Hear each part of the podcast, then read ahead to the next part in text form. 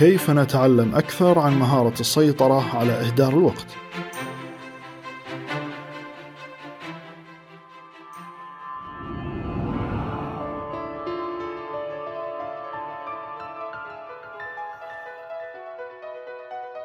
حياكم الله حديثنا اليوم عن إهدار الوقت وكيف يمكن السيطرة على الوقت وعدم إضاعة الكثير من الوقت من خلال تقليل عوامل التشتيت. يقول ستيف مارابولي: توقف عن إضاعة وقتك في البحث عن مفتاح السعادة. الباب مفتوح وغير مقفل، ما عليك سوى السير من خلاله.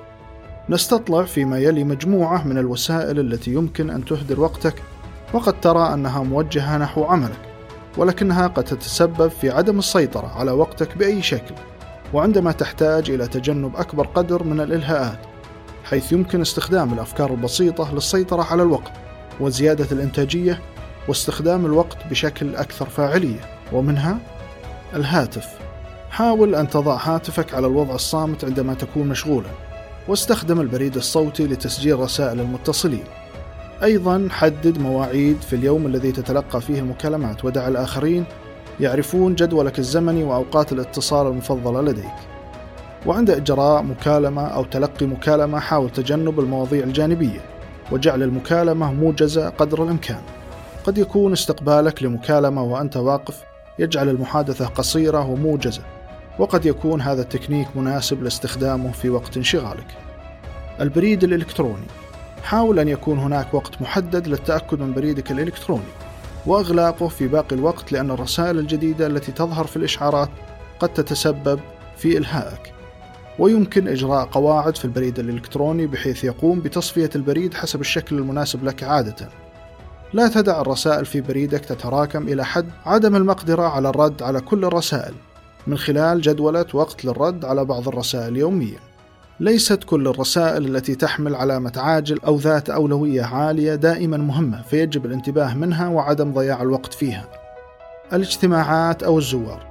احضر الاجتماعات التي تهمك فقط وذلك بمعرفة الغرض من هذا الاجتماع وموعده.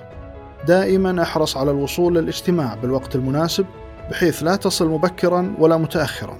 احرص على استلام نسخة من جدول الأعمال للاجتماع لدراستها ورتب لمغادرة الاجتماع مبكرا إذا أنهيت الجزء الخاص بك.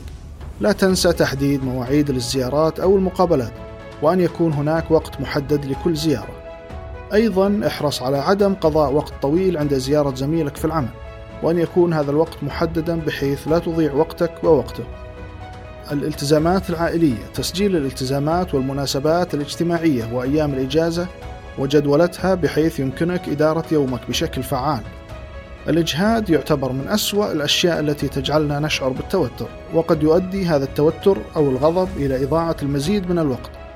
واحرص على أن تظل هادئا، وأخبر الآخرين أنك مشغول لإتمام مهامك. بحيث لا تؤثر علينا الأشياء الصغيرة وتجعلنا نفقد السيطرة على وقتنا. يسعدني تلقي أمثلة منكم عن أسبابكم التي تسببت في إهدار وقتكم.